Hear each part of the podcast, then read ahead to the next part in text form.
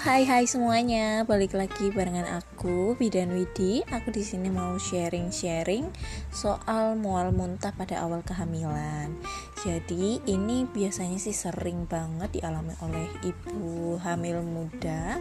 Karena itu aku jadi pengen bahas ini, siapa tahu bermanfaat dan juga bisa uh, buat pelajaran kita semua. Jadi awal kehamilan itu biasanya kadang ngeluh, mual, muntah, lemes, pusing kayak gitu, nggak bisa makan, minum, bahkan sampai makan nasi pun nggak mau, minum air putih pun nggak bisa masuk gitu. Bahkan aku sering juga lihat sampai ada yang dirawat di rumah sakit kayak gitu. Dan itu nggak sembuh-sembuh gitu loh. Jadi uh, sebenarnya kalau menurutku itu ibu hamil adalah ibu yang sehat dan seharusnya itu nggak ada keluhan. Jadi kalaupun ada keluhan itu berarti ada alarm dari tubuh yang diberitahukan kepada si ibu gitu. Dedek janinnya itu mau ngomong nih sama ibu gitu. Jadi mual muntah di trimester kehamilan ada yang mengalami dan kadang juga enggak. Jadi aku pernah ada temen nih dia itu hamilnya hamil kebo enggak ngerasa ada keluhan apa pun gitu.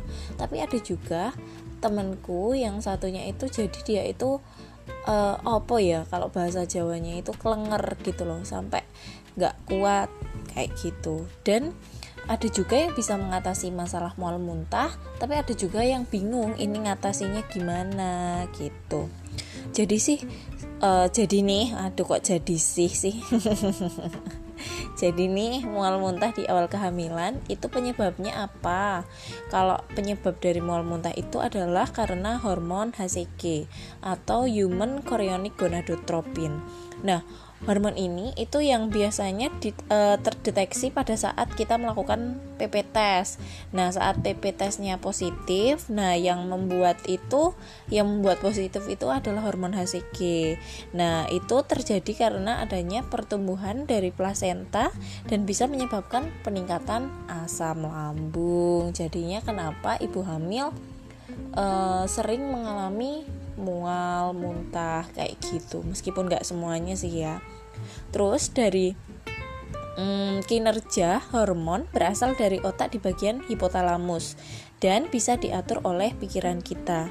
Asam lambung semakin meningkat uh, saat kita mengalami kekhawatiran dan juga kecemasan. Kayak hampir sama nih kayak emah gitu kan. Kalau kita emah kadang kan kalau stres gitu kan bisa naik asam lambungnya gitu.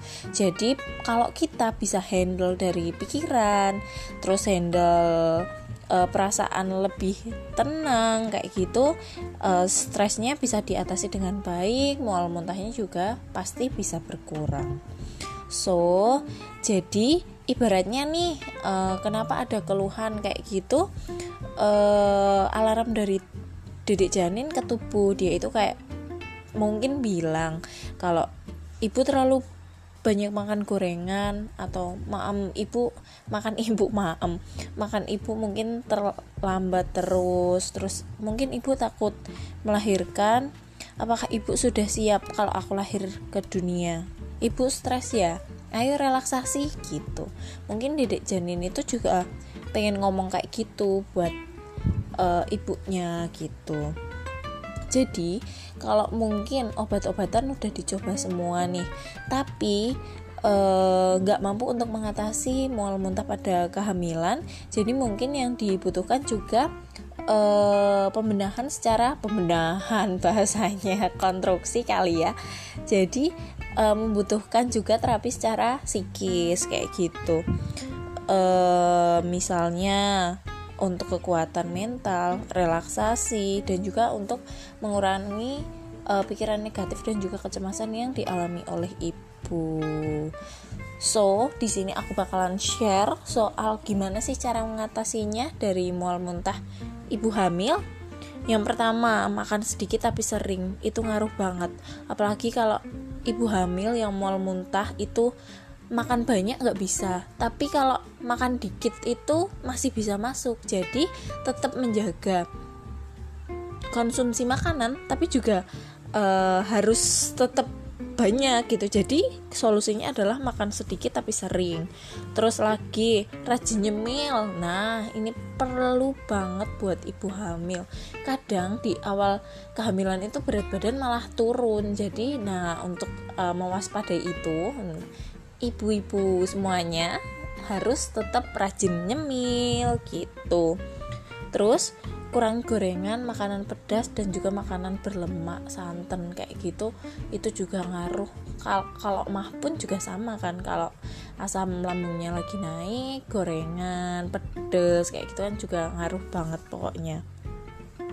Terus juga bisa pakai aromaterapi yang bau lemon, mint, peppermint kayak gitu juga bisa terus sit curry breathing. Nah nanti kapan-kapan aku share deh caranya sit curry breathing itu kayak gimana. Terus afirmasi positif dan juga relaksasi. Terus setelah itu yang terakhir adalah kurangi mengeluh banyak bersyukur. Alhamdulillah. Disyukurin aja bu ibu semuanya. Ini memang jalannya harus begini. Jadi harus tetap dijalani. Dan ini memang anugerah dari Tuhan gitu loh. Jadi uh, hadiah dari Tuhan untuk uh, ibu dan juga untuk calon ayah gitu. Jadi memang harus benar-benar ikhlas pasrah melakukan yang terbaik dan juga uh, jangan lupa memberdayakan diri. Begitu. Salam hangat dari Bidan Widi. Sampai ketemu di podcast podcast selanjutnya. And see you. Bye bye